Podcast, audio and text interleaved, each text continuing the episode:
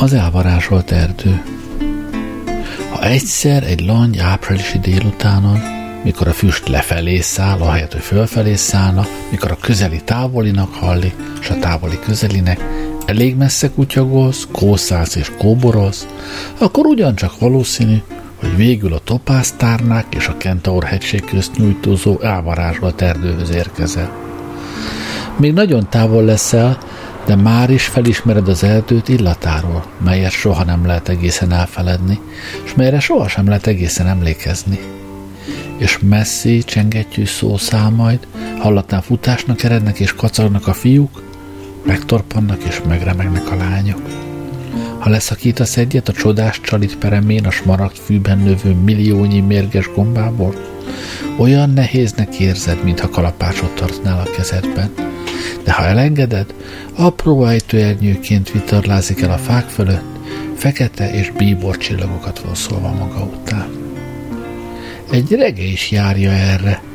Vándorkobzosok énekelték még a középkorban, hogy erre felé a nyulak úgy emelnek fejet, ahogy az emberek manapság kalapot. Leveszik a fejüket a mancsokkal, azután újra visszateszik a helyére. Egyszer, réges-régen az elvarázsolt első erdő egy Tódor nevezetű hatalmas uralkodó birodalmához tartozott. Tódornak három fia volt. Fennen, Gőgön és Jenő. Fennen és Gőgön nagyszerű vadászok voltak, akárcsak az atyjuk, Tódor király. S ha éppen nem ettek vagy aludta, szüntelenül vad űztek. Jenő a legfiatalabbik és legkisebbik királyfi, a két métert sem ért el, költő volt, és zenész, s ha nem asztalnál ült, vagy ágyban feküdt, abban látta örömét, hogy lantra írta költeményeit. Egyszer-egyszer részt vett ugyan a vadászatban, ha atya és bátyjai nagyon unszolták, de mindig ügyelt rá, hogy a vadat, amelyet a királyi család üldözött, kilőtt nyilai és elhajított láncsái messze elkerüljék. A század közepén, amelyben éltek, a király és két idősebbik fia háromszor írtották ki a birodalom vadállományát, s háromszor kényszerültek tétlen várakozásra a kastélyba, míg erdőn és mezőn felnőtt a szarvasok és vaddisznók új nemzedéke. Ez alatt türelmetlenségükben felhúrozták az íjakat, feltollaszták a nyilakat, s láncsákat élesítgettek. Tódor király fennen és gőgön gyakrabban ettek, többet ittak, és tovább aludtak a tétlenség ezen unalmas időszakában, és jobb híján kíséretüket nyaggatták és gyötörték. Különösképpen rájártak Rúd egy Kurbli nevű törpére, s a királyi mágusra, egy háztáji varázslóra, kinek tudománya főként bűvészmutatványokból és zsonglérködésből állt, mivel nem volt birtokában az elvarázsolt erdőben élő mezei mágusok titkainak. Jenő fölöttébb nyugalmasnak találta ezeket az évszakokat, és azzal töltötte idejét, hogy egy-egy messzélő király kisasszonyról dalolt, ki egy szép napon majd veszedelmes próbatétel elé állítja mindhárom királyfit.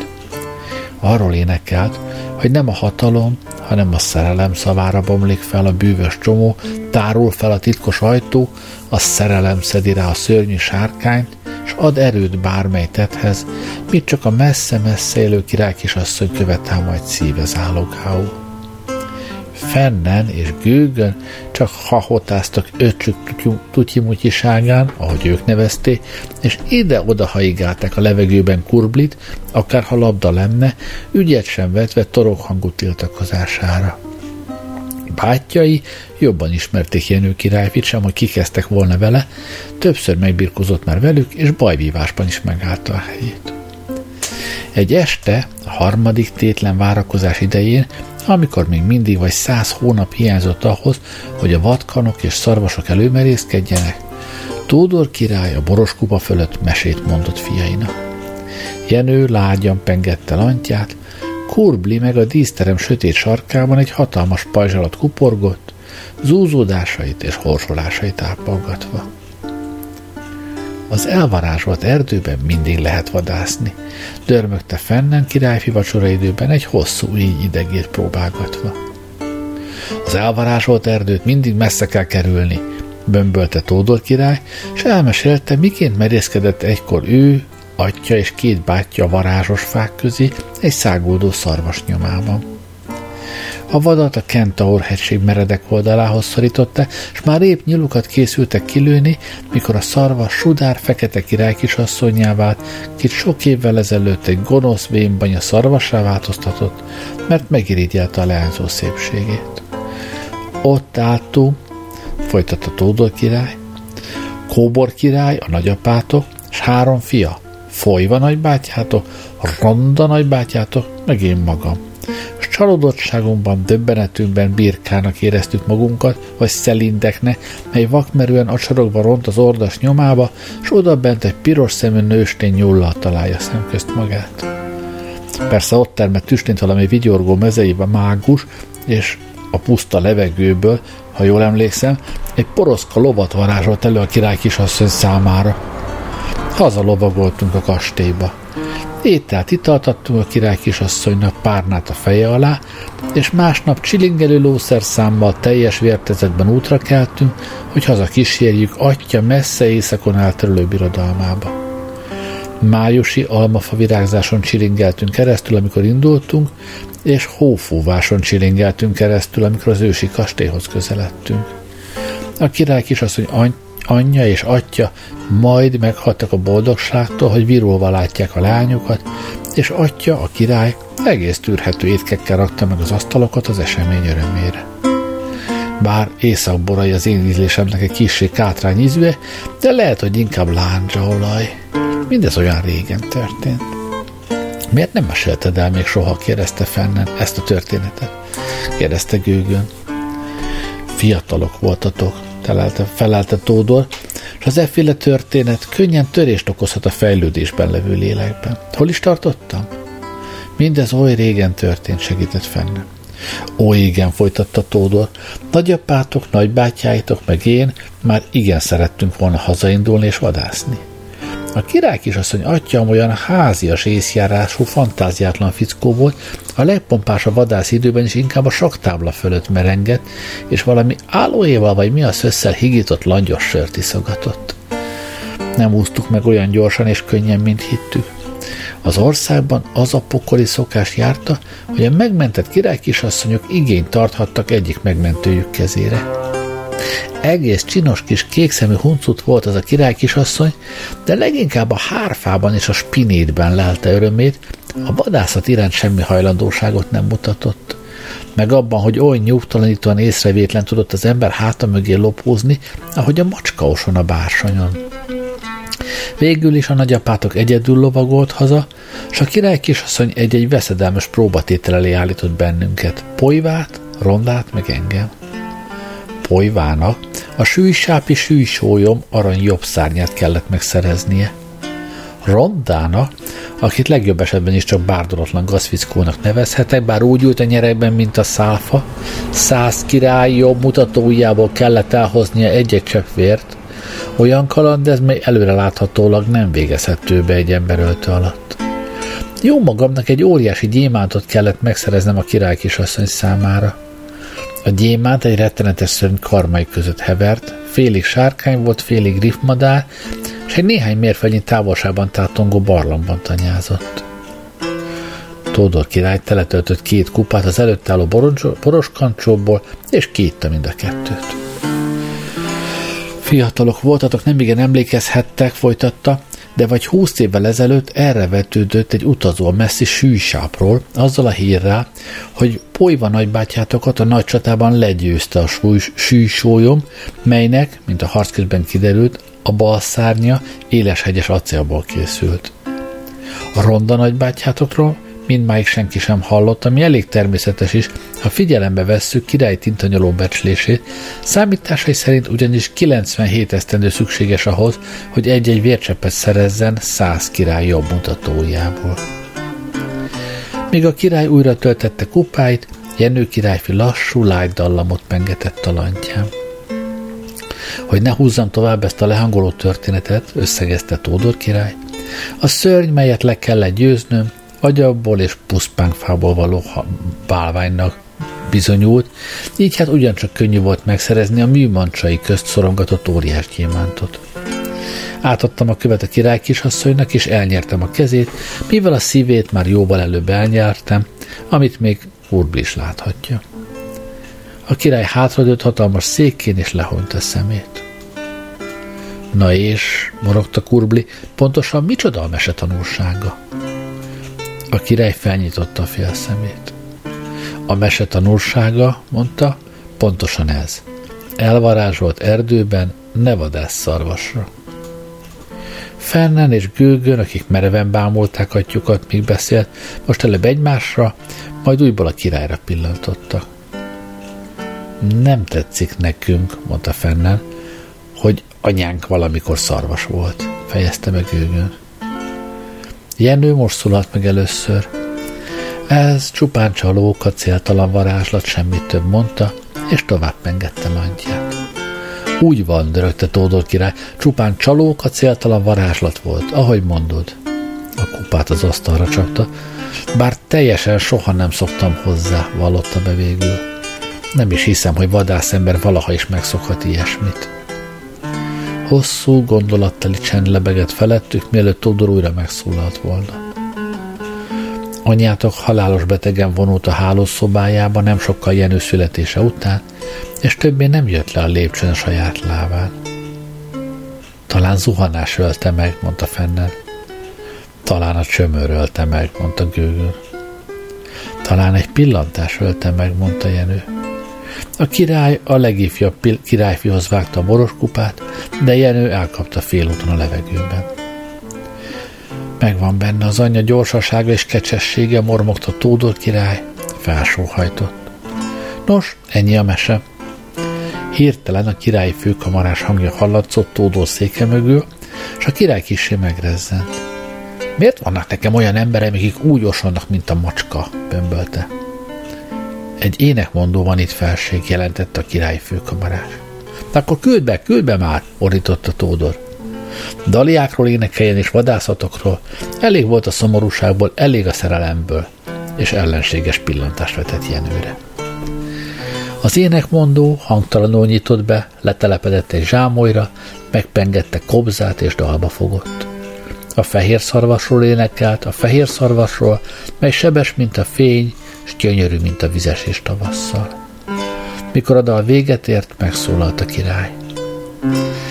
Ez a szarvas, mely sebes, mint a fény, s gyönyörű, mint a vizesés tavasszal, csak a te ostoba képzeletet szüleménye. Vagy létezik és lélegzik, és vérfolyik az erejében, hogy én és a fiem kipróbálhatnánk lába sebességét, izmai erejét? Az énekmondó így darolt. A rengeteg mélyén fényes nappas éjjel, a hófehér szarvas versenyt száll a széllel. Nevez meg azt a rengeteget, bömbölt a király. Az énekmódó így dalolt. Azok, kik keresik, csak is ott keressék, ahol összeér a tárnai és a hegység. Ekkor Tódor király úgy pattant fel a székébe, hogy felbarított egy kupát, és a vörös borapadlóra locsant. Hiszen te az elvarázsolt erdőre célzol egyel ezzel az ördögi dalocskával, kiáltotta. Tódor király udvartartásából senki sem fog oda tűzni azok közt az elátkozott fák közt. Az énekmondó így talolt. Vágtázhat fennen hiába, gőgön sem érhet nyomába. Ugyan mit tehetne Jenő, ha nincs benne elég erő? S mindez semmi, szállong a hír, hogy véle még Tódor se bír.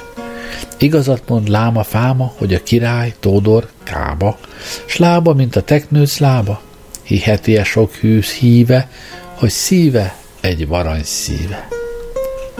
A király megcibálta hosszú fekete bajszát, szemén fény cikázott át, majd eltűnt, s újra cikázott, akár egy Szent János bogár vízfénye. Meg lehet, mondta végül, hogy ez a fénysebes szarvas valódi szarvas. Holnap reggel kipróbáljuk azt a mérhetetlenül magasztalt merészségét. Ha a szarvas valódi, akkor szarva a falra, húsa a spájzba kerül. Ha viszont gyönyörű hajadon, akit valami bűbájos vagy boszorkányba bonázott, atya pedig holmiféle királyféle, kinek a birodalma messze északon, vagy délen, vagy keleten, vagy nyugaton terül el, akkor nyilammal keresztül lövöm láncsámmal keresztül döföm ennek a bolond iglicnek a szívét. Tódor király egy kupával csapkodta az asztalt, hogy baljós figyelmeztetése minden egyes szavának nyomatékot adjon, de mire körülnézett, az énekmondó már eltűnt. Tódor összevonta a szemöldökét. Ez a fickó határozottan emlékeztet valakire, vagy valaki másra, akivel már találkoztam valahol, vagy valahol máshol, motyogta.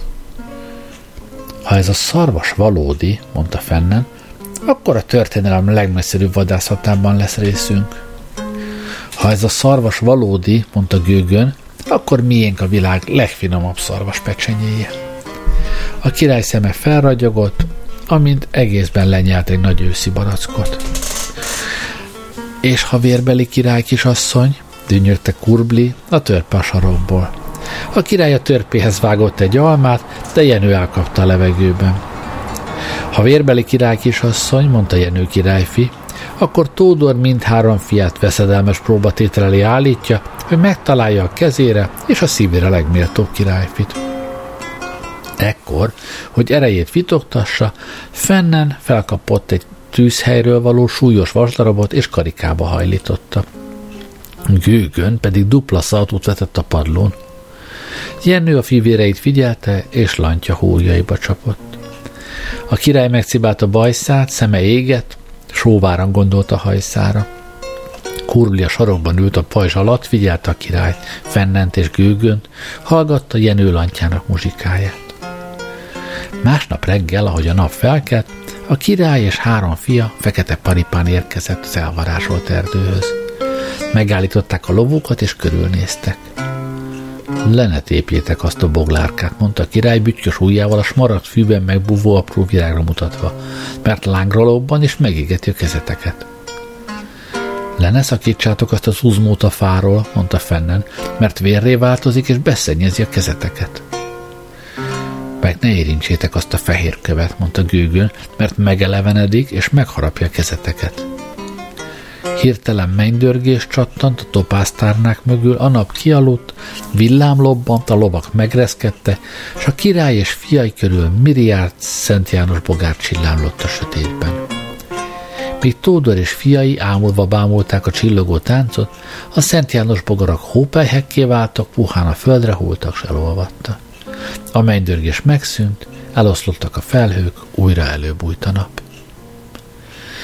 Ezek a se vége, se hossza sarlatán trükkök ártanak az emésztésnek, jegyezte meg Tódor király. A létező legfinomabb hústól is elmegy a kedvem, ha meg nem szűnik ez a szemtelen szemfényvesztés, ha véget nem ér a valótlan valósága végtelen áradata. Ami forró, hideg, mondta Fennen. Ami lágy, az rideg, mondta Gőgön. S ami éj, az nap, mondta Tódor. Jenő elszavalt egy költeményt, a csoda bemutató alatt ötlötte. Óvatlan ki vigyáz, s jó csak az, aki gaz. Ki szabadít, igaz? Igaz, mi igaz? Jól mondod, Jenő királyfi, szólt egy hang, mert mintha sehonnan sem jött volna, míg a király és a fiai a földre pillantva meg nem láttak ott egy kékpalástos, vörös, hegyes sipkát viselő erdélymágus. No csak, mondta a királya mágusra meredve, nem láttalak én már téged valahol máshol? Már láttál engem valamikor másmikor, mondta a varázsló, leszakított egy árváskás, a levegőbe hajtotta, ahol az pillangóvá vált, és elszállt a fák fölött. Eddig még csak egyszer lovagoltam ebben az erdőben, mondta Tódor király. 26 éve, 25 napja és 24 órája, bólintott a mágus. Szarvast űztünk, atyám, bátyáim, meg én, mondta Tódor, s a vad, a vad kentaur hegység lábánál ámulatra méltó és álomszerű változáson ment át. Engem érhetően érzékenyen érint a téma, épp ezért gondold meg Gézen Gúz, mielőtt gúnyos és gúnyos korombaságokat gagyogsz. Nem ő gagyog gorombaságokat, mondta Jenő, te gagyogsz éket és géket. Meg emeket is, mint majd még meglátjátok mondta a mágus. Ha most vagy máskor még egyszer megpróbálod meghűíteni a királyt, mordult fel Modor mértóság teljesen, megnézheted magad, modortalan műtyürke, mert még magja sem marad ennek a manómen helynek. Mutatott körbe Tódor király fenséges dűvel, daccal és döjfel, míg fiai döbbenten bámulták. Varázsos szavakat szólsz, ó Tódor, mondta a mágus elégedetten, lekapta sapkáját és mélyen meghajolt. Most pedig miben lehetek szolgálatodra, neked és a fiaidnak, Fennen, Gőgön és Jenő királyfiaknak? Megmutassam az ugató fát, a síró sarat, a szárnytalan madarakat? A király elfintorodott a csodák lajstromának hallaptán, és Jenő válaszolt a mágusnak. Atyám a fehér szarvast keresi, mondta. A fehér szarvas sebes, mint a fény, és gyönyörű, mint a vizes és tavasszal. A mágus újra meghajolt, lekapta a sapkáját, és felhajította a levegőbe. Ami felszáll, az nem hullhat alá, mondta. És a sapka lassan, lengve, akár a harang, némán elvitorlázott a fák fölött, egyre magasabbra és magasabbra emelkedett, még csak el nem tűnt a szem elől. Ami lehull, annak föl kell szállnia, mondta a mágus, és bal kezének három ujját a föld felé terpesztette. A hópelyhek, melyek az előbb elolvadtak és eltűntek, hirtelen felszálltak a földről, és amikor a mágus szívével egy magasságba értek, Miriát Szent János bogárá változtak. A király és fiai szájtátva bámultak. Egy szempillantás a négy ló és a négy ember szobor mozdulatlanságba dermed támulatában, mert a csillonó, csillogó, csillámló levegőn fehér szarvas villámlott keresztül, sebes, mint a fény, s gyönyörű, mint a vizesés tavasszal. Hé, halihó, kiáltott a király, s fiaival a szarvas nyomában eredt, a lovak pattájáról pattanó szikrák csatlakoztak a Szent János bogarak táncához. A fehér szarvas átvillant az erdő zöldjén, a király és fiai követté, el az ugatófa mellett, keresztül a sírósáron, a szárnyatlan madarak seregén, a hajsza egyre folyt, míg be nem alkonyult, és hosszú furcsa árnyak hullottak az erdőre. A fehér szarvas ezüstös ereken, bronzos bozótokon, aloék arany alagútján vezette üldözőit, és még mindig oly sebes volt, mint a fény akár a nyíl suhant át a homályos hangaréten, az iszamós ingoványon. Borostyán bércre szökkent, violás völgybe lendült, végig szágoldott a topáztárnák úttalad alagútja felé vezető csillámló csapáson. Húsz szilaj pata robogott, szellem járt a szakadék mélyén, hol fénylő fákják fügtek sejtelmes sátorfák ágairól, türkiszkék tengerszem mellett vágtatta, majd végig a fűzfasoron, mely mord meredélyhez vezetett, még nem pusztító, penészszín pusztaságba torkolt. Hamuszín homály hullott a tájra, s hirtelen hét csillagfény lett fel a felhők között. És véget ért a vágta, a fehér szarvas szörnyű szágódása, Szédült, rémült, rettenetben állt a királyi vad a kentaurok hegyének kegyetlen kőszirtjei között. Tódor király fennen és gőgön kilőni készültek nyilukat, és Jenő lehonyta a szemét, hogy ne is lássa. Amikor egy pillanat múltán kinyitotta, a királyi vadászok bámulatukban már a földre ejtették íjukat és nyilukat, de nem a sarokba szorított szarvas bámulták, hanem egy sudár, fekete, ifjú hajadont, vérbeli király kisasszonyt, hosszú fehér sajemköntösét, ékszerekkel szikrázó haját, aranysarú övezte lábát, bájosan szétnyíló rubin ajkát, ragyogó fekete szemét. Négy ló, nyolc füle merett égnek a csodálkozástól, három herceg hullott térdre a hajadon láb előtt, a király pedig mormogott és a bajszát cibálta. Kevés királynak van része, ilyen fenséges hajszában morogta, és tessék, most is azzal végződik, mint mindig. Oda a szarvas pecsenye, viszont itt egy hódító hajadon, akit haza kell vinni atya birodalmába. Imádkozzunk, hogy atyának legalább jó ízlése legyen, már ami a borokat illeti. De amikor az ifjú Jenő, aki a hercegek közül elsőnek nyerte vissza lélek jelenlétét, megkérdezte a hajadon nevét, és hogy merre van hazája, ő csak a fejét rázta, és azt felelte, hogy nem tudja. A király felsóhajtott. Emeld a nyerekbe, Jenő, mondta. Kiszolgáljuk az asztalunknál, és nem felszolgáljuk az asztalra, mint ahogy reméltem. Siessünk, mielőtt az a modortalan mágus maradék előkerül, hogy kirehögjön bennünket.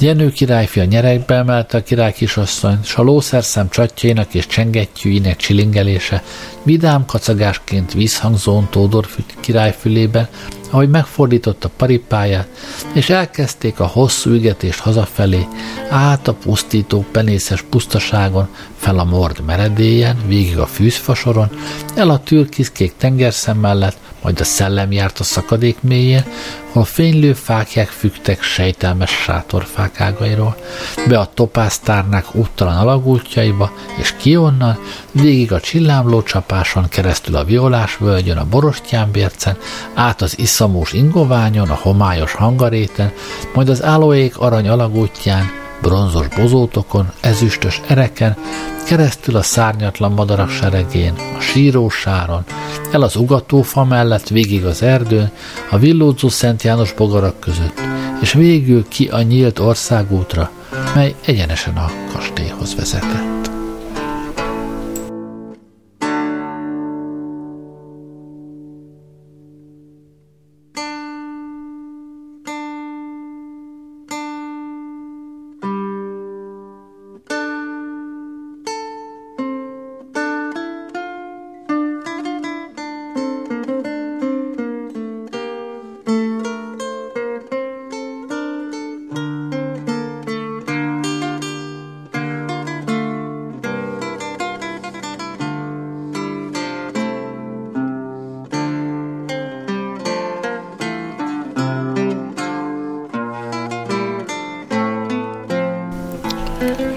Az elveszett királykisasszony Másnap reggel a királykisasszony egy keletre nyíló szobában üldögélt, a napfény nézte, amint ászítál az ősi kastély falának csipkézetén és repedésein, és apró fénylő ábrákat rajzol a hideg kőpadlóra. A királyi mágus, mint már említettük, szegényes eszköztárral rendelkezett, most hét égszínkék gömbbel zsonglőrködött, hogy szórakoztassa a király kisasszonyt, míg Kurbli a sarokban üldögélt, és előbb az égszínké gömböket, majd a gyönyörű hajadon zavarról árulkodó fekete szemét figyelte. A leány az éjszaka nagyobb részében ébren hánykolódott, hiába próbált emlékezni a maga és atya nevére. Lábánál a padlón a királyi tintanyaló kuporgott törökülésben, és királyok nevét kántált egy hatalmas nyilvántartásból, abban a reményben, hogy majd egyik vagy másik név fényt gyújt a hajadon szemében. Már elérte a Pét is, és álhatatosan tovább zümmögött.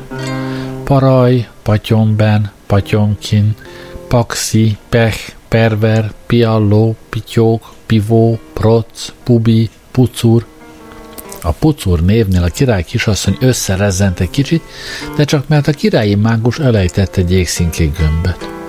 Kurbli felkapta és visszahajtotta a mágusnak. A királyi tintanyaló egy sor sziszegő hangot sziszegett. Pucur király, mondta rosszalón, a legrosszabb hírű király az egész királylistán. Egy hegycsúcson lakik egy romos kastélyban hét vadóc lányával. A vénség felesége visító görcsben halt meg, még amikor a királylányok kicsik voltak. Most pucúr és hét lánya egyedül élnek a hegycsúcson, ezernyi gonoszságot művelnek és galibát okozna, szikla görgeteget görgetnek a lenthaladókra, folyókat térítenek ki medrükből, drága köveket és sejmeket lopna a karavánoktól, és ügye fogyott maskarákat öltve lidércfény világánál játszák vad és baljós játékaikat. A királyi tintanyaló égnek emelte kezét és megrázta fejét. Pucúr hegyén minden éjjel szilveszteréj. A király kisasszony összevonta a szemöldökét, és egy kicsit elsápadt. A király tintanyaló ismét felsóhajtott, és tovább olvasta a neveket, minden egyes név után a király kisasszonyra pillantott, aki azonban a felismerés legcsekélyebb jelét sem mutatta. A tintanyaló folytatta, átfutott 20 kún, 30 R-en, 40 S-en, 10 T-n, 5 U-n, 2 V-n, 13 W-n, 90 X-en és 56 Y-on, míg végül a Z-hez ért. Zabi, mondta a király tintanyaló, és a király kisasszony fölugrott a székből, de csak azért, mert a királyi mágus megint lejtett egy égszínkék gömböt. Kurbli visszahajította, és a zsonglőrködés meg az ümmögés tovább folyt. Zacsek, Zazó, Zavazav, Zazír, Zazúnó, Ziz. Kántálta a tintanyaló, aztán porfelhős puffanással összecsapta a királylistát, szomorúan megrázta a fejét, és felállt. A mágus hosszú palástjának feneketlen sebébe pottyantotta az égszínkék gömböket, Kurbli pedig szelít pillantást vetett a király kisasszonyra. Mezőkre emlékszem, fákra, és semmi, de semmi másra sóhajtotta a király kisasszony. Gyanítom, hogy ez az eset egy gyógyászatban gyakorlott egyén gyakorlatát hivatott gyarapítani, mondta a király tintanyaló, de bal szerencsénkre a királyi orvos doktor megbetegedett, és meghagyta, hogy senki se háborgassa, míg a titokzatos korral küzdik. A király kisasszony borús tekintettel vizsgálgatott egy csipkés árnyékot a padlón.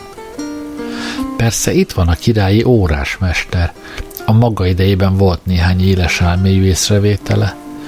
Tockó az óriás mester tette hozzá, azelőtt királyi csillagász volt. A király kisasszony elővette kendőjét, és letörölte a király listáról származó maszatot a királyi tintanyaló arcáról. És Tockó miért nem királyi csillagász már? kérdezte. Úgy megvénült, hogy már nem látta tisztán a bolygókat, meg a holdat sem, de még a napot sem, magyarázta tintanyaló. Fenyegető jóslatai a világ végéről és az örök sötétségről megrémítették Tódor király, akinek fény kell a vadászathoz, mint nagyon jól tudod, ha sértésnek nem veszed. A király kisasszony halványan elmosolyodott. A tintanyaló folytatta.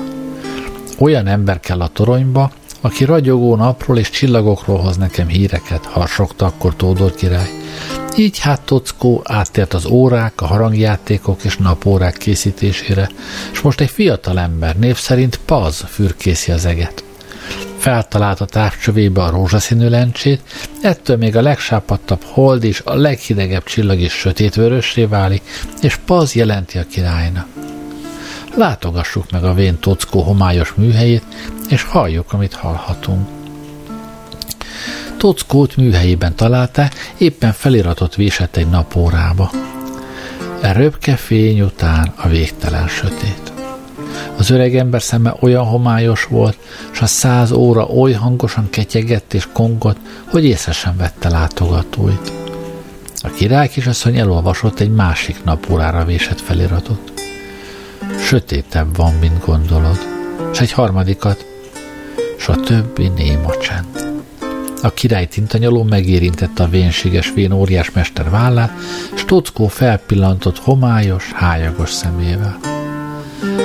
Egy névtelen király kisasszonyt hozok, mondta a király tintanyaló, mezőkre emlékszik, fákra, és semmi, de semmi másra kezéből törcselt formát az öreg ember fülénél, és elmondta a fehér szarvas történetét, miként változott Sudár fekete gyönyörű királyleányá a Kentórok hegyéne kegyetlen kőszírtjei között, és ő miként olvasta fel neki a királylistát, anélkül, hogy a nevek fénygyújtottak volna a királylány szemében.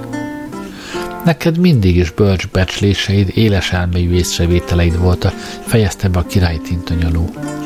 Szerinted mi bántja a leányzót? Óriás, órásmester intett hosszú vékony ujjaival. Küld a leányzó sétálni a kertbe, ahol az ezüst szökőkutak csörgedeznek, mondta. Addig én megkockáztatok néhány feltevést. A száz meg száz óra egytől egyik delet mutatott, de az egyik nyolcat, a másik hatot, a harmadik kilencet vagy négyet ütött, mindent, csak éppen tizenkettőt nem. A leányzók különös hatással vannak az órákra, mondta Tockó. Az órák vagy keveset, vagy sokat ütnek miattuk. A leányzók megcsúfolják az időt. A király tintanyaló az ajtóhoz vezette a leányzót, s megmutatta a kertet, ahol az ezüst utak csörgedezte. Figyelte a király kisasszonyt, míg csak el nem indult köztük kecsesen és magányosan, túl az óraketyegés és az emberi hangható körén. Talán elesett és beverte a fejét, mondta a tintanyalós, így vesztette el az emlékezetét. Az öreg ember a fejét rázta. Talán bűvitalt vagy bájitalt ivott, mondta a tintanyalós, így vesztette el az emlékezetét. Az öreg ember újra megrázta a fejét, és így szólt. Te engem kérte, hogy kockáztassak meg néhány feltevés, most magad feltevéseit kockáztatod. A tintanyoló bocsánatot kér, csendben hallgatta az öreg embert. Egy történet jár a fejemben, amit apám mesélt, vagy száz évvel ezelőtt kezdte Tockó. Csodálatos történet egy valódi szarvasról, aki összebarátkozott egy erdei mágussal. Történt egyszer, réges-régen, hogy ez az erdei mágus elesett, vagy bűvitalt, vagy bájitalt ivott, és után belepottyant egy patakba, méghozzá áprilisban, amikor a patakok sebes folyásúak és erős a sodruk. A történet szerint egy arra járó szarvas halázta ki a buta mágust a patakból, és így megmentette az életét. Az éppen idejében érkezett segítség fejében a mágus csodálatos képességet ajándékozott a szarvasnak.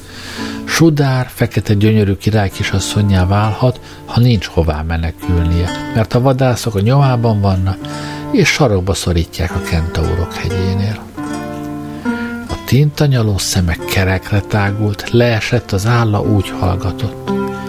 A most beállott csendben mind a sok száz óra, már mutatói szerint 12 múlt 10 perccel, 13-at ütött. Amikor a gilingalang megszűnt, a tintanyaló megszólalt.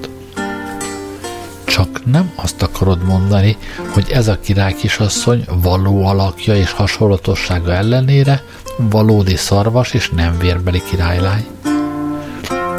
Történt azután, folytatta mesét az öreg ember, hogy a hajdani szarvast, akiről mesélek, keményen megszorongatta valami siheder, aki hihetetlenül ügyes volt a nyerekben, és sarokba is szorította egy megmászhatatlanul meredek meredélyen. Ahogy a vadász a ziháló rémült tekintetű vadra emelte íját, az kigúvat szem előtt változott sudár fekete gyönyörű, valóságosnak tetsző király kisasszonyját. A siheder kékre-zöldre pirult, és íját nyilát messze elhajítva lóhalálában elvágtatott. A szarvas pedig hajadon alakjában felkerest az erdei mágust, akivel annak előtt összebarátkozott, és reszketve remegve arra kérte, hogy leány maradhasson és leány módjára élhessen ezután. A mágus, mivel még mindig hálát érzett iránta, hatalmat adott a szarvasnak. Leány maradhat alakra és hasonlatosságra, egészen addig, amíg három szerelmese meg nem tagadja. Ha három szerelmese megtagadja, visszanyeri eredeti alakját, és történjék bármi, úgy kell élnie az idők végezetéig. Elsőnek egy költő szeretett bele, másodiknak egy énekmondó, harmadiknak egy lovag. Sorban mindegyik felismerte a lány valódi természetét, és sorban mind megtagadta. Mert ugyan kiszeret szerelemmel egy leányt, aki valójában szarvas. Egy hosszú pillanatig csak az órák ketyegése és a szökőkutak halk csobogása hallatszott. És végül, kérdezte a tintanyaló, amikor három szerelmese megtagadta. Végül, amikor a három szerelmese megtagadta, mondta Tockó, azonnal visszaváltozott és felöltötte valóságos és egyedül helyes alakját. Két hét múltán keményen szorongatta ugyanaz a siheder, aki első alkalommal is üldözőbe vette, de most nyila átfúrta a szarvas szívét. Az órák egyszerre hetet ütöttek. Igazat beszéltél? kérdezte a tintanyaló. Az atyám idején élt szarvas nem tudta a nevét, mivel a vadon élő szarvasnak nincs neve. Mezőkre emlékezett, fákra és semmi, de semmi másra, mondta Tockó. Hogy mondjam el ezt Tódorna, korunk legbüszkébb vadászának, jajdult fel a tintanyaló. Bocsáss meg, Tockó, de nem kétlet kételjeid, és nem remélsz valami reményt? Nem lehetséges mégis, hogy ez a király kisasszony esetleg valódi? Az öreg ember köhintett. A talán, a háta és az esetleg ellenére kételyt és reményt firtatni őreség? Ezer varázsigének ismerem jelét, jegyét, jelentését. A varázslatok vissza-vissza térnek. Sem az öreg ember, sem a fiatalabb nem vette észre a műhely homályos sarkában rejtőző sötét alakot. A tömzsi kurbli volt az, aki észrevétlenül besúrant. Szemhéját leeresztette, nehogy a szeme szikrázása elárulja, de nem aludt. A királyi tintanyaló szó megfordult, kinyitotta a nehéz tölgyfajtót, és kilépett a műhelyből. Figyelte a felé siető Sudár király kisasszonyt, ékszerekkel szikrázó haját, aranysarú övezte lábát, és csodálta, hogy egy szarvas, ha valóban szarvas volt, így tökéletességgel öltheti magára egy királyi vérből származó hajadon ragyogó alakját. A királyi tintanyaló azon töprenget, vajon ő maga képes volna tiszta szívéből beleszeretni egy hölgybe, aki egyszer csak, varázslattól függő időpontban, a fák fiatal hajtásait kezdené rákcsálni. Felsóhajtott, fejét csóválta és eldöntötte, hogy képtelen volna. Majd az eredményt apró lábjegyzetben odabigyeztette szíve archívumába. A névtelen hajadon fekete szemében kérdőjelek tükröződte, de a király tintanyoló megrázta a fejét, félre pillantott és felsóhajtott.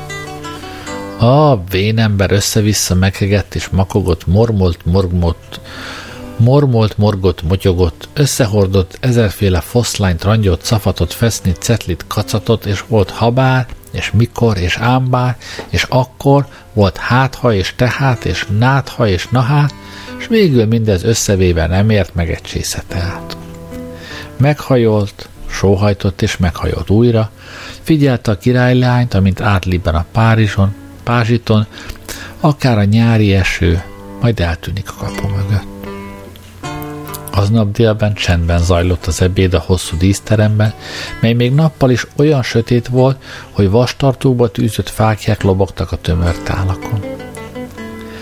A titokzatos leány elrapogtatott néhány diót, nem kért bort, s úgy majszolt el egy salátalevelet, hogy a feszengő királyt és idősebb fiait valamiképpen az elvarázsolt erdőben töltött előző napra és szélsebes, meghökkentő zsákmányokra emlékeztette. Tódor, Fennen és Gőgön nyugtalanul mocorogtak székükben, és egyszer-egyszer mormoltak valamit. Jenő királyfi, kinek gyöngét pillantása elárulta, hogy mit ér ez a névtelen király leány iránt, boldog volt. Mivel a szarvasból lett leány, lágy tekintetet vetett rá, valahányszor felemelte ragyogó szemét, hogy körbe pillantson az asztal körül. Kurbli, a törpe, ismét ott kuporgott az acélpajzs alatt, és egyetlen szemvillanást, egyetlen szótagot sem mulasztott el. Le nem vette a szemét az asztal körülülőkről. Ha ilyen keveset eszel, mondta Tódor király a királyleányna, akkor tanácskoznom kell a királyi erdőkerülővel, akarom mondani helyesbített gyorsan, a királyi orvosdoktorral. A királylány arca csinos rózsaszínt öltött, Jenő mogorva pillantást vetett atyára, és a király, hogy leplezze zavarát, a sárga földig lehordta a királyi mágust, aki hirtelenjében egy füstfelhőben ott termett. Úgy emlékszem, mondtam már neked, hogy ne varázsold elő magad füstfelhőből, horkant fel a király. A füstszak tönkreteszi a bor illatát. Megmondtam már? Elfelejtettem, mentegetőzött a mágus. Egyszerre gyere be a szobába, mint bárki más. Igen, felség, mondta a mágus, és azzal zsonglőrködni kezdett hét apró arany és ezüst holtsarlóval. A király tovább folytyogott magába. Az is elég szörnyű volt, amikor villámlás és mennydörgés közepette jelent meg. De ez egyenesen elviselhetetlen, mert bebüdösíti nekem az egész kastélyt. A fickó silány trükkjei egyáltalán nem indokolják az ilyen körülményes megjelenést. Egy átlagos erdélyi mágus többet produkál egy nap alatt, mint ez a pojáca tíz év alatt megtanult, pedig a világ egyik legdrágább varázsló iskolájába járattam. Ah, ah, a lovaglást meg a varázslást nem lehet tanítani. Az ilyesmi vagy magától jön, vagy sehogy. Tódor király magában motyogva és bajszát cibálva felhajtott egy kupa bor, fehér bort, felállt az asztaltól és felment a csiga lépcsőn. Még akkor is magában beszélt, s hangja vízhangosan hömpölygött végig a kastély terményes szobáin. Majd leszoktatom ezt a gyönyörűséges leányzót a névtelenségről, vagy ha nem, hát egészben lenyelek egy sületlen lovat. Megállt az ajtó előtt, és hallgatózott. A király orvosdoktor oda bent az ágyában feküdt, és felváltva nyögött és bátorította magát. Soha nem állok lábra megint. Ugyan-ugyan semmi, az egész újból rózsás lesz az arcú, és pár nap múlva már végon futkározó. Ó, dehogy futkározó. De igenis futkározó. Nem futkározó, de futkározunk. Hosszú csend következett, és a király benyitott a szobába. A királyi orvos doktora lázát mérte, de azután lerázta a higanyszálat anélkül, hogy egy pillantást is vetett volna rá. Mint orvosnak három óránként meg kell mérnem a lázamat, magyarázta, de a betegnek nem szabad megmondani, hogy mennyi a láza. Nekem persze soha senki nem mond meg semmit, mondta a király, mert egy árva mukkot sem értett abból, amit a királyi orvos doktor fecseg. Mint orvossal akarok veled beszélni, és nem mint beteggel. Nem hiszem, hogy meg tudom gyógyítani magam, mondta a beteg. Ugyan, ugyan vágott vissza magára. Hát szabad elveszítenünk a hitünket az orvosunk tudományában? A király felsóhajtott, az ablakhoz lépett, és lenézett a kastélyudvarra. Bal kezével a jobb füle cimpáját cibálta, és elmesélte a fehér szarvas történetét, miként vették űzőbe ő és a három fia, miként változott Sudár, fekete gyönyörű király kisasszonyjá, ki csak, mez, ki csak mezőkre emlékszik, fákra, és semmi, de semmi másra. Amikor befejezte a mesét, Megkérdezte az orvosdoktort, mit gondol, mi történhetett a király kisasszonya, hogy nem emlékszik sem a saját, sem atya nevére. Talán elesett, mondta a beteg negédes orvosdoktori hangján. Avagy talán bővitalt, vagy bájitalt ivott. Nincs a fején púp, felelt a király, és pupillája sem tágabb a kelleténél. Hm, mondta a király orvosdoktor, tanulmányoznom kell majd az esetet, amikor felépülő, ha ugyanez valaha is megtörténik, amit erősen kétle. Ó, ha ismét rózsás lenne az orcám, nem hinném, hogy a leghalványabb fogalmam is volna arról, hogy mi bajom. Ugyan, ugyan, hát szabad így elhagynunk magunkat? Nem tudom, felelt a király zavartan. A betegre pillantott, felsóhajtott, kiment a szobából, leheveredett nyoszójájára, és egy óra hosszat hánykolódott magában motyogva. Végül felkelt, és döngő léptekkel lement a csika lépcsőn. A keletre néző szobában, ahová már nem húlt be a napfény, a király ott találta a mágust, amit éppen hét apró holdal és hét égszínkék gömbbel zsonglőködött 77 hosszú gyertyafényénél. A királyi tintanyaló kitalált királyneveket kántált a király kisasszonyna. A leányzó ugyanazon a széken ült, amelyen délelőtt, amikor a király, tintanyaló valódi királyok nevét kántálta. Randó, rendő, rindó, rondó, rundó, sorolta a tintanyaló. Papa, pépe, pipi, popó, pupu. A királyi mágus elejtett egy holdat, meg egy gömböt, és panaszkodott, hogy rosszul lát a pislákoló gyertyafényben. Kurbli a sötét sarokban kuporgott, szemét le nem vette a király kisasszony töprengő arcáról. Pászka, peszke, piszke, poszka, puszka, zümögte tintanyaló tarai, taral, terel, tiril, torol, töröl, turul. Undak, undek, undik, undok. Micsoda hókusz-pókusz folyik itt a pisla gyertyafényben, bömbölte Tódor. Király neveket találok ki abban a reményben, hogy egyik majd csak fénygyújt a királylány szemében, magyarázta a tintanyaló. Varszli, verszli, virszli, vorszli, vurszli, vaxi, vexi, vixi, voxi, vuxi, gajdolta. Pampa, pempő, pimpó, pompa, pumpa, kiáltotta a király fölháborodtan. Elég ebből a vixi, vaxi, vuxiból. Lehet, hogy a légies leányzónak nincs neve, de azt még a vak is láthatja, hogy nem kitalált király kitalált leánya. Királyhoz méltón oldom meg a kérdést. Ennélkül a rengeteg zigyvíz, zegyve, zagyvaság nélkül. Itt és most elrendelem és megparancsolom, hogy a királylány adjon egy-egy veszedelmes feladatot mindhárom fiamna, és az első, aki sikerrel tér vissza, vegye feleségül a fehér cselédet. Semmi sem téríti észhez annyira a nőket, mint a házasság. Az elveszett királylány szeme felragyogott, ahogy Jenő királyfira gondolt, aztán elhomályosult, ahogy gőgönre gondolt, végül elkomorodott, amikor fennelre gondolt. Holnap, amint a nap telelőre hág, a hölgy mindhárom fiam számára kitűz egy-egy veszedelmes feladatot. Egy hordós maraba fogadok akárkivel, hogy fennen tér vissza elsőnek a küldetéséből. Ki mer közületek ugyanannyi drága követ tenni gőgön győzelmére? A csöndet kurbli tompa brummogása törte meg. Egy hordó ugyanolyan súlyos maragba, hogy a hölgy az ifjú Jenő királyfi párja lesz. Tódor király hahatája megreszkedte a, megreszkedtette a vaskos falakat. Itt a kezem buta törpém, áll az alkú, harsogta. A király kisasszony felemelkedett, pokerlizett a király előtt, és kisétált a szobából. A mágus és kurbli követték. Amikor a király indulni készült, a király tintanyaló reszkető hangon belekezdett.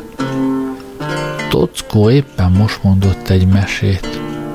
Te csak nekem nem mesélj olyan mesét, amit épp most mondott Tockó, szakította félbe a király. Az a vén szamár üstökösökről tett nekem jelentést, aztán kiderült, hogy Szent János bogarakat látott. Mind a száz órája össze-vissza üt, árnyékban állítja be a napóráit, nem mondj nekem olyan mesét, amit Tockó mesélt. A királyi főkamarás lépett a szobába kopogás nélkül, és meghajolt a király előtt. Felség, a királyi csillaggász azonnali kihallgatást kér, valami pallépés történt az égboldon. Küld be, küld már be, kiáltott a király. Ne hajlongj és bólingas, küld be! A királyi főham, főkamarás meghajolt, bólintott és visszavonult. Atyám kedvelte a cikornyás ceremóniákat, mondta Tódor, én azonban semmi szükségét nem látom ezeknek a pocakos lakkályoknak. Ha valaki be akar jönni és beszélni akar velem, akkor jöjjön be és beszéljen velem. Kopogtak az ajtón, és Paz, a királyi csillaggász lépett a szobába. Fiatal, rózsás arcú ember volt rózsaszín palásban, és rózsaszín szeme rózsaszín lencséken keresztül kémlelte a világot. Felség, mondta. Az imént egy hatalmas rózsaszín üstökös éppen csak, hogy elhibázta a földet. Szörnyűséges, sziszegő hangot hallatott, mint amikor az izzó vasat vízbe merítik. Ezt nekem szánták, mondta Tóda. Ezeket mind nekem szánják. Kivágtatott a szobából, és olyan erővel vágta be maga mögött az ajtót, hogy a listák szétszoródta, és lapjaik kavarogtak a szélben.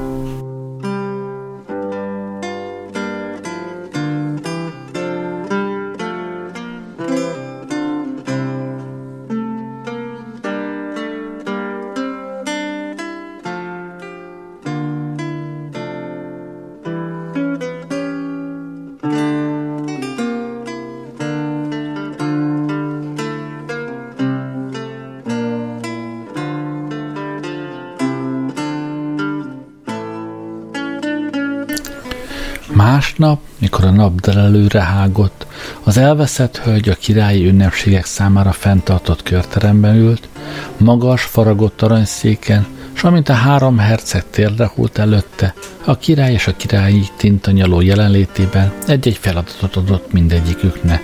Így szólt a király kisasszony. Fennen királyfi, a kezemre pályázol, megparancsolom, egy magad hajst fel, és öld meg a kockázat erdejében lakó, lihegő, ligeti nagy kék kant, s aranyagyarait helyezt a lábam elé. Száz lovag vesztette életét a kockázat erdejében lakó, lihegő, ligeti nagy kék kanra vadászva, kiáltotta fennen. S a nagy fennen királyfi nem merne a fehér szarvasnál veszedelmesebb vadra vadászni? kérdezte a király kisasszony. Fennen meghajolt, megcsókolta a hajadon kezét, s egy pillanat múltán beszürelmlett a körterembe paripája patáinak robaja. Most gőgön hult térdre, a király kisasszony így szólt. Gőgön királyfi, ha a kezemre pályázol, megparancsolom, győzd le a Szaniszló szent szabjáját őrző sárkániai hétfejű sárkány, s a szent szabját helyezd a lábam elé. Száz lovag vesztette életét, ki mind legyőzni indult a sárkániai hétfejű sárkányt, kiáltotta gőgön. S a nagy gőgön királyfi nem merne a fehér szarvasnál veszedelmesebb vadra vadászni? kérdezte a király kisasszony. Gőgön meghajolt, megcsókolta a hajadon kezét, s egy pillanat múltán beszürem lett a körterembe paripája patáinak robolya. Utoljára Jenő hult térre. A király kisasszony így szólt. Jenő királyfi, ha szívemre és kezemre pályázol, megparancsolom, győzd le a mokmokot, mely a gyümölcslény gyümölcsösének cseresznyefái törzi tíz méterre a kastély kapujától, hoz ezer szem cseresznyével töltött ezüst serleget, s helyez lábaim elé. Tódor király előrehajolt nagy tölgyfa székében. A mokmok agyagból készült bálvány, atyám atyának atyának atya faragta 300 évvel ezelőtt, hogy eléjessze a cseresznyefákat désmáló griffeket kiáltotta.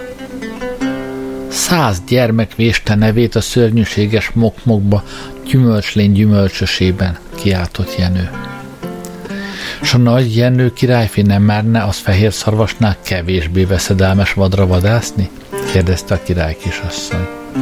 Jenő meghajolt, megcsókolta a hajadon kezét, s egy pillanat múltán beszürem lett a körterembe, paripája pattáinak robaja.